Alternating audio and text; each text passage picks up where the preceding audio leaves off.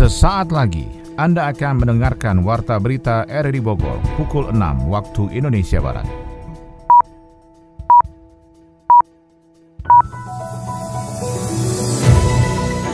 Selamat pagi, salam jumpa. Kami hadir kembali dalam Warta Berita edisi hari ini, Sabtu 11 Maret 2023. Informasi ini juga turut disiarkan melalui audio streaming lewat RRI Play dan juga disiarkan lewat Radio Tegak Beriman Kabupaten Bogor, Jawa Barat dan Anda bisa akses di Spotify RRI Bogor.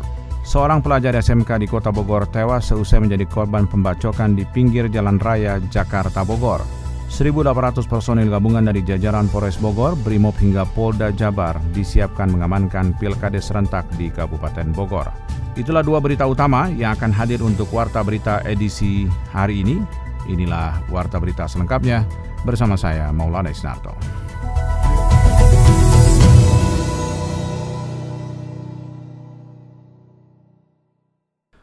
Seorang pelajar SMK di Kota Bogor tewas seusai menjadi korban pembacokan kemarin. Korban diserang oleh orang yang diduga pelajar sekitar pukul 9.30 waktu Indonesia Barat saat hendak menyeberang dari ujung gang di pinggir Jalan Raya Jakarta Bogor, tidak jauh dari Simpang Pomat, Kecamatan Bogor Utara. Kita ikuti laporan Sony Agung Saputra. Peristiwa tawuran pelajar hingga menyebabkan pelajar tewas di kawasan Pomat atau Bogor Utara, Kelurahan Cibulu, Bogor Utara, Kota Bogor hingga Jumat sore masih menjadi pengejaran dari Polresta Bogor Kota. Dalam kejadian tersebut, satu orang pelajar berinisial A menjadi korban tewas di lokasi kejadian dan sempat dibawa ke Rumah Sakit MNC Sukaraja Bogor. Polresta Bogor Kota Kombes Pol Bimo Prakoso menjelaskan hingga Jumat sore pihaknya masih melakukan pengejaran terhadap pelaku. Berdasarkan data kepolisian sudah mempunyai identitas pelaku yang saat ini tim reskrim sedang melakukan pengejaran. Sementara itu Wali Kota Bogor Bima Arya mengaku geram atas kejadian pembunuhan pelajar di kawasan Bogor Utara. Pihaknya akan berkoordinasi dengan Provinsi Jawa Barat agar kepada sekolah yang kerap melakukan tawuran dan pembunuhan dikenakan sanksi seberat-beratnya bahkan bisa ditutup. Mendapatkan laporan uh, itu warga kabupaten tetapi SMK-nya di Bogor Utara uh, kejadian yang membuat kita sedih dan marah. Dan ini menjadi tanggung jawab semua ya, pembinaan terhadap sekolah. Nah, saya terus terang gregetan karena SMA SMK ini bukan kewenangan wali kota. Ya, kalau kewenangan kami pasti sudah ada sanksi keras terhadap SMK yang bersangkutan. Ya kami akan mengusulkan kepada KCD untuk memberikan sanksi sekeras-kerasnya dan memberikan dan melakukan evaluasi uh, secara menyeluruh terhadap sekolah-sekolah yang dalam catatan ini terlibat aktif dalam tawuran. Ya, nggak bisa pola-pola lama. Kami selalu usulkan sanksinya sekeras mungkin. Ya antara lain misalnya dengan tidak mengizinkan untuk melakukan PPDB, ya menyetop bantuan dan sebagainya. Ya. Hingga saat ini, pengejaran masih berlangsung kepada masyarakat juga dihimbau tidak menyebarkan video negatif atau menyeramkan tentang peristiwa tawuran tersebut.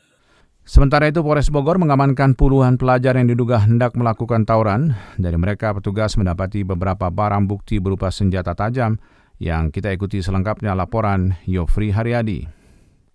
Puluhan pelajar SLTA diamankan di Mako Polsek Cisarua Bogor setelah aksi brutalnya digagalkan warga yang kemudian digelandang polisi. Peristiwa terjadi di Gang Damai, kawasan Taman Wisata Matahari Puncak Bogor sekitar pukul 21.30 kemarin malam. Peristiwa berawal saat belasan pelajar nongkrong di kawasan tersebut hingga terjadi bentrokan fisik antara dua kelompok berbeda. Atas peristiwa tersebut, Kapolsek Cisarua Kompol Suprianto langsung menginstruksikan anggotanya agar memberi efek jerah terhadap belasan pelajar yang diamankan mereka diinapkan di Mako Polsek Cisarua hingga Jumat pagi. Perwakilan dari pihak sekolah dan orang tua siswa itu pun meminta petugas untuk mengembalikan mereka ke sekolah atau orang tua bersangkutan. Tindakan tindakan kepolisian, laporan informasi di masyarakat tetap kita bikin tim gabungan mm -hmm. Polres karena anak pelajar itu banyak jadi kita minta kekuatan yang cukup.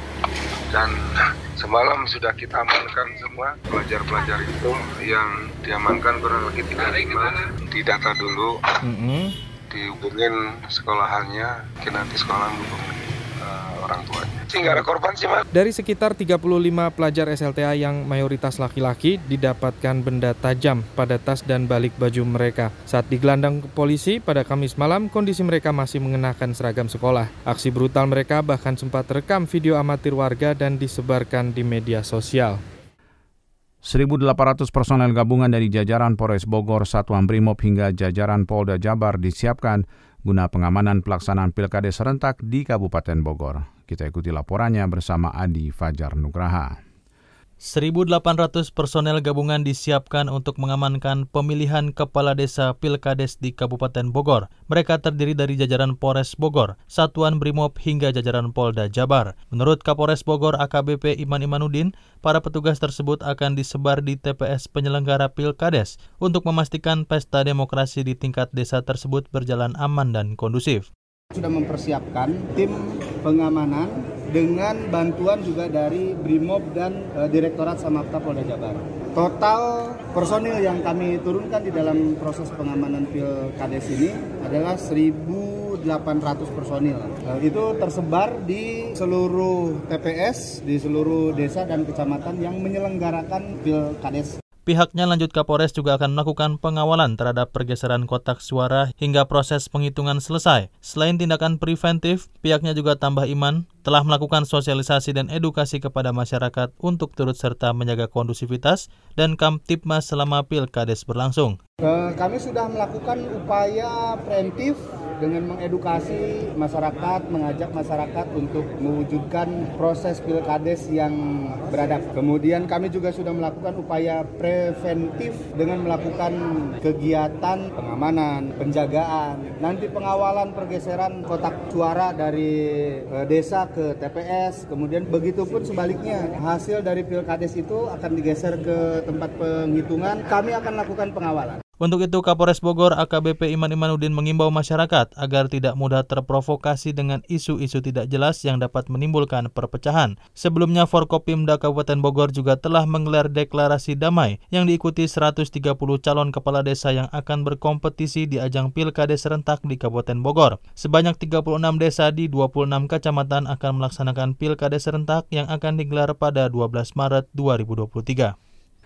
Forkopimda Kabupaten Bogor meminta masyarakat yang desanya menggelar pilkades menjaga kondisivitas agar tidak terjadi perpecahan. Kita ikuti laporan Adi Fajar Nugraha.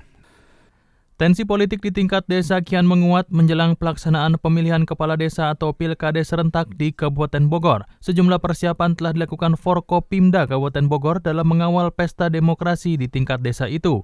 Kepala Dinas Pemberdayaan Masyarakat dan Desa Kabupaten Bogor, Renaldi Yushab, meminta kepada segenap masyarakat, khususnya yang desanya menggelar pilkades, untuk senantiasa menjaga kondusivitas agar tidak terjadi perpecahan. Ia pun mendorong para calon kepala desa untuk memberikan pesan damai bagi warga dalam momen pilkades di tahun ini. Suksesnya pilkades di Kabupaten Bogor akan melahirkan pemimpin desa yang berintegritas yang dapat mendengarkan aspirasi warganya demi kemajuan desanya terlebih Kabupaten Bogor. Harapannya mudah-mudahan uh, pilkades kali ini bisa menghasilkan kepala desa yang ter berintegritas, mendukung semua aspirasi dan keinginan masyarakat sehingga desa akan semakin lebih maju, lebih berdaya dalam rangka meningkatkan terapi masyarakat di desa masing-masing. Pilkada serentak digelar pada Minggu 12 Maret 2023. Renaldi menambahkan tahun ini Pilkades digelar di 36 desa yang tersebar di 26 kecamatan. Ratusan ribu masyarakat telah terdaftar menjadi hak pilih yang akan menentukan pemimpin desanya selama enam tahun ke depan. Pelaksanaan Pilkades dilaksanakan di 26 kecamatan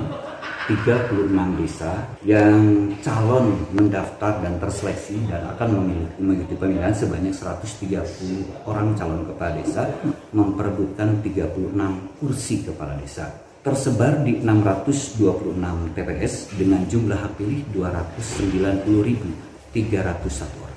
Pemkap Bogor berharap dalam pilkades ini terpilih pemimpin berkualitas agar desa menjadi lebih maju dan berdaya dalam rangka meningkatkan taraf hidup di desa masing-masing.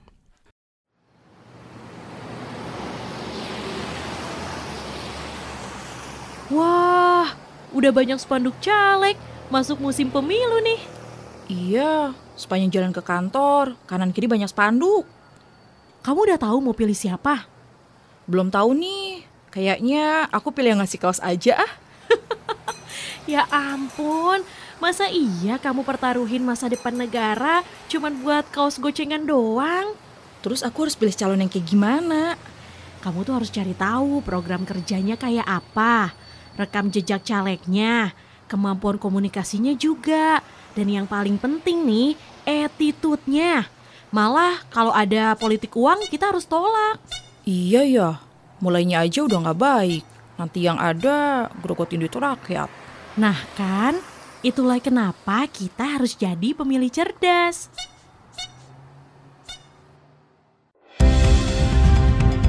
Anda tengah mendengarkan Warta Berita RRI Bogor.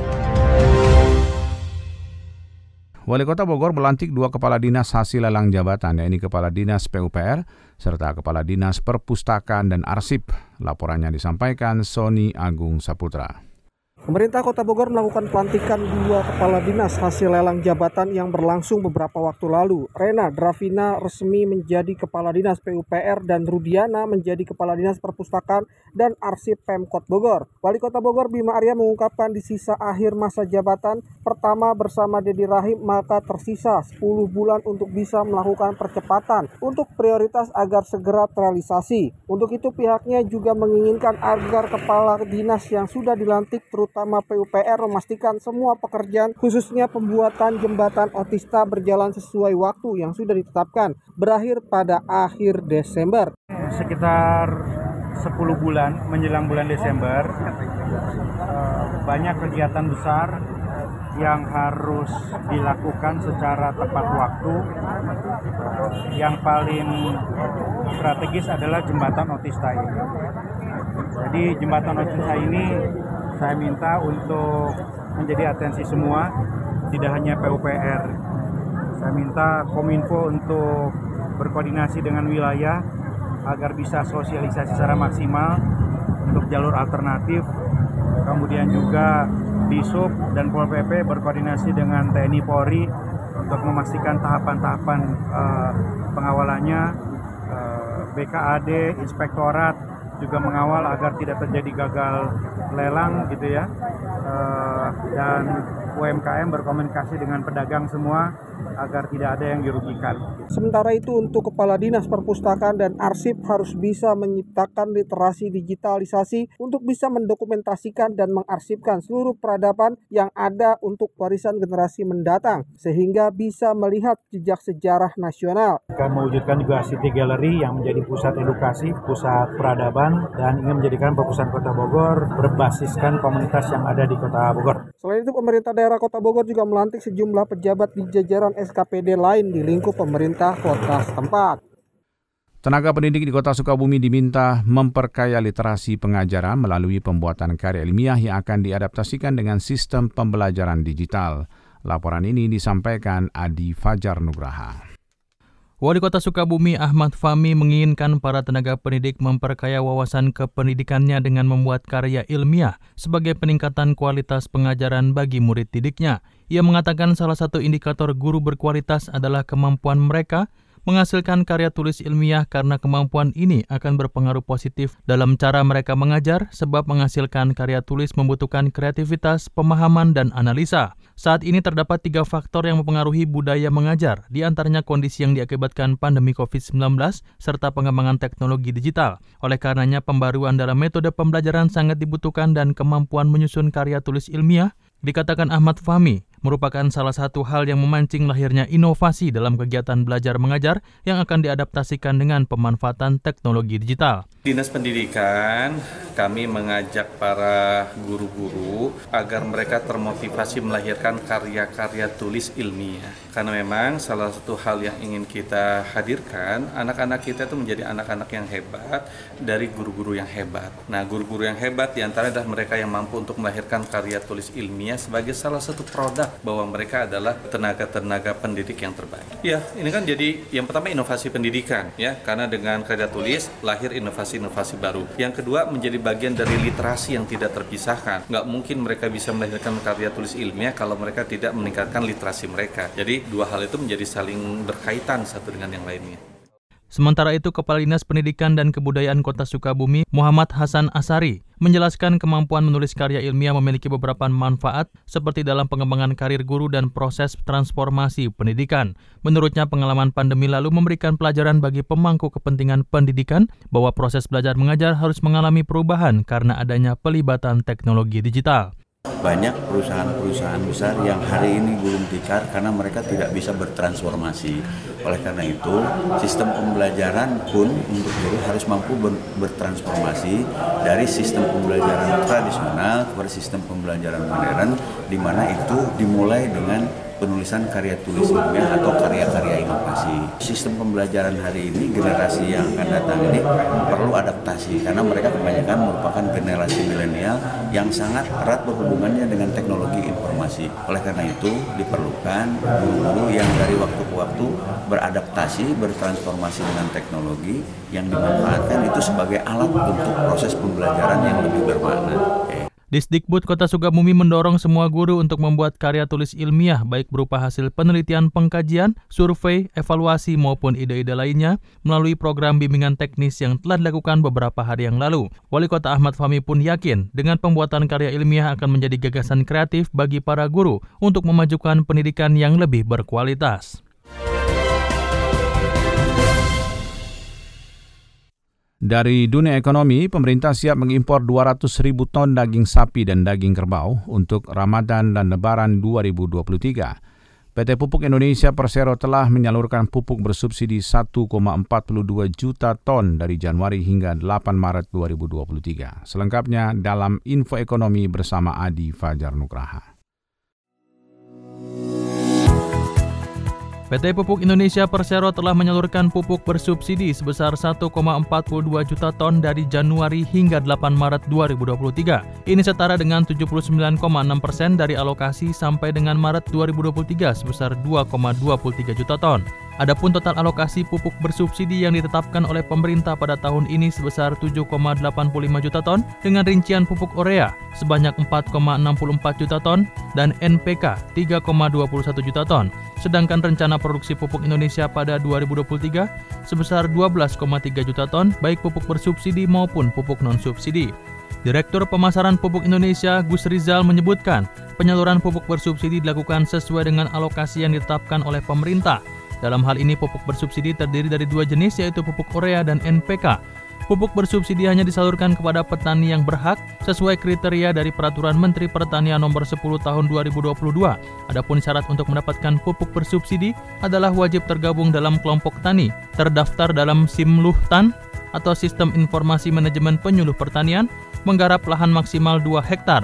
Selain itu, pupuk bersubsidi saat ini difokuskan pada 9 jenis komoditas strategis, yaitu padi, jagung, kedelai, cabai, bawang merah, bawang putih, kopi, tebu, dan kakao dari yang sebelumnya ditujukan untuk sekitar 72 komoditas. Sedangkan stok pupuk bersubsidi secara nasional pada tanggal 9 Maret 2023 tercatat sebesar 912 ribu ton.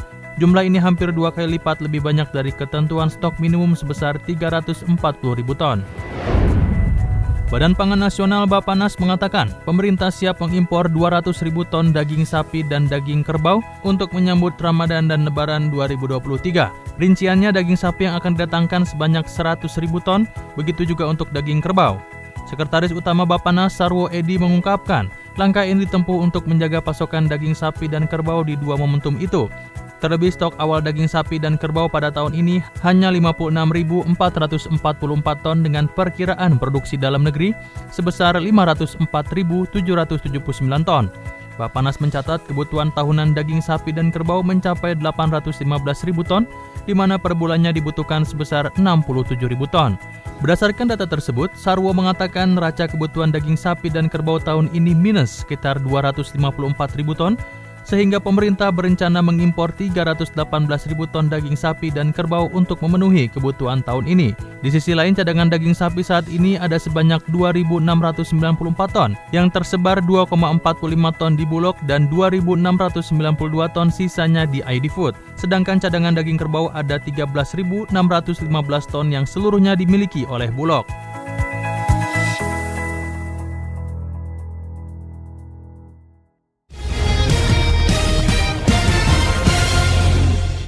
Dari dunia olahraga, timnas Indonesia kesulitan mencari lawan yang bagus di FIFA Matchday.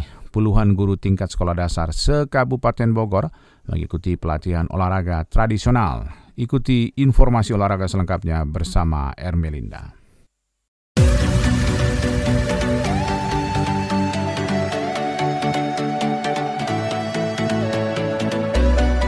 Dinas Pemuda dan Olahraga Dispora Kabupaten Bogor melalui bidang pembudayaan olahraga kembali menggelar pelatihan olahraga tradisional atau OTRAT kepada puluhan guru tingkat sekolah dasar atau berjenjang di salah satu hotel di wilayah Megamendung. Kegiatan ini memang mulai berjalan secara kontinu. Para peserta ini selanjutnya bakal diberikan pelatihan. Dedi Supriyadi selaku subkoordinator OTRAT dan layanan khusus menjelaskan pelaksanaan pelatihan olahraga tradisional yang dilakukan Dispora Kabupaten Bogor ini diikuti 40 peserta perwakilan dari 40 kecamatan yang ada di Kabupaten Bogor. Kegiatan pelatihan olahraga tradisional kali ini pihak Dispora mengundang perwakilan Portina Jabar, Kormi Kabupaten Bogor dan juga Unsi Kakarawang sebagai narasumber atau pemateri.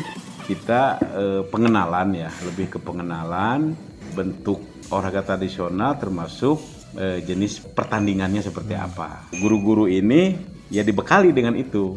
Nah nanti si guru-guru ini untuk mentransferkan ilmu hasil dari pelatihan ini ke anak didiknya. Dan kalau untuk alat mungkin yang agak susah dicari itu saat ini ya paling sumpitan. Kalau yang lain kan relatif gampang lah. Egrang tinggal ke kebun kan gitu istilahnya lah gitu ya. Dagungan sama sumpitan hmm, ya agak iya cuma kan dari sumpitan itu kan ada sumpitannya, ada targetnya, ada anak panahnya, ada stranding pemnya gitu kan. Jadi memang banyak. Memang di Bogor memang agak susah untuk satu set sumpitan.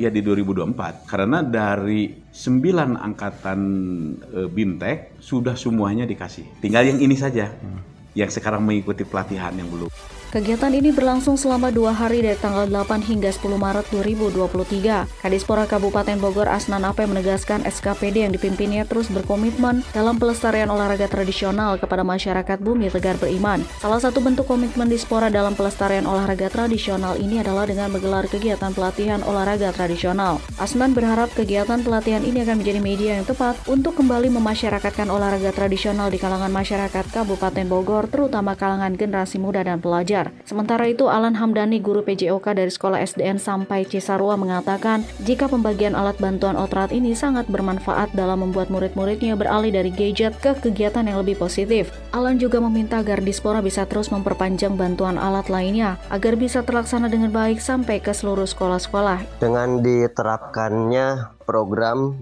kegiatan Ortrad di sekolah kami dan kami programkan itu di tiga bulan sekali ada kegiatan perlombaan uh, tentang olahraga tradisional dan alhamdulillah dampak dan hasilnya pun secara perlahan mulai membaik juga ada hasil yang uh, maksimal. Dan salah satu tujuan kami yaitu uh, dengan menjauhkannya anak-anak dari uh, gadgetnya dan alhamdulillah sedikit demi sedikit uh, itu mulai terlihat dan ada hasilnya karena dengan adanya sikap mereka yaitu sikap uh, kompetitif dalam suatu program tersebut untuk mencapai hasil maksimal dari mereka baik secara individu maupun secara kelompok.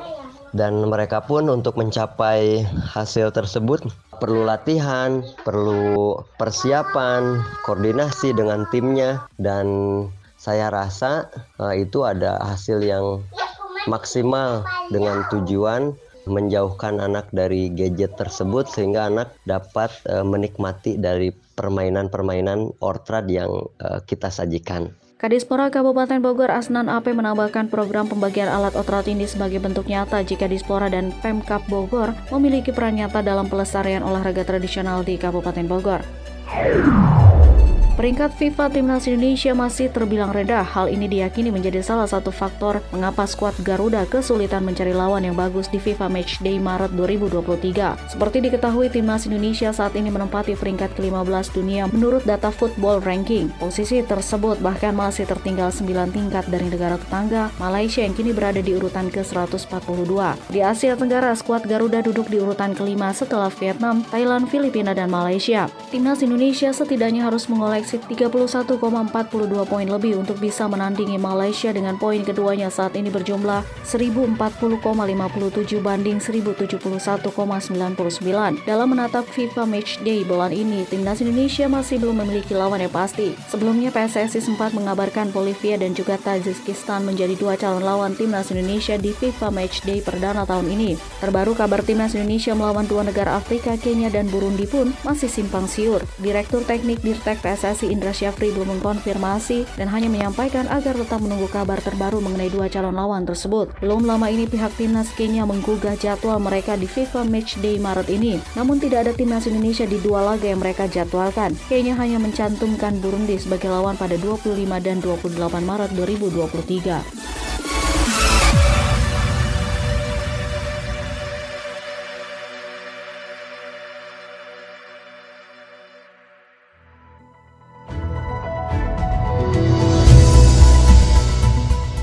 Demikian rangkaian informasi yang kami hadirkan di Warta Berita RRI Bogor pagi ini. Sebelum berpisah, kami kembali sampaikan berita utama. Seorang pelajar SMK di Kota Bogor tewas seusai menjadi korban pembacokan di pinggir Jalan Raya Jakarta Bogor. 1.800 personil gabungan dari jajaran Polres Bogor, Brimob hingga Polda Jabar disiapkan mengamankan pilkades serentak di Kabupaten Bogor. Saya Molanes Narto, bersama tim bertugas pada hari ini mengucapkan terima kasih atas perhatian Anda. Selamat pagi dan sampai jumpa.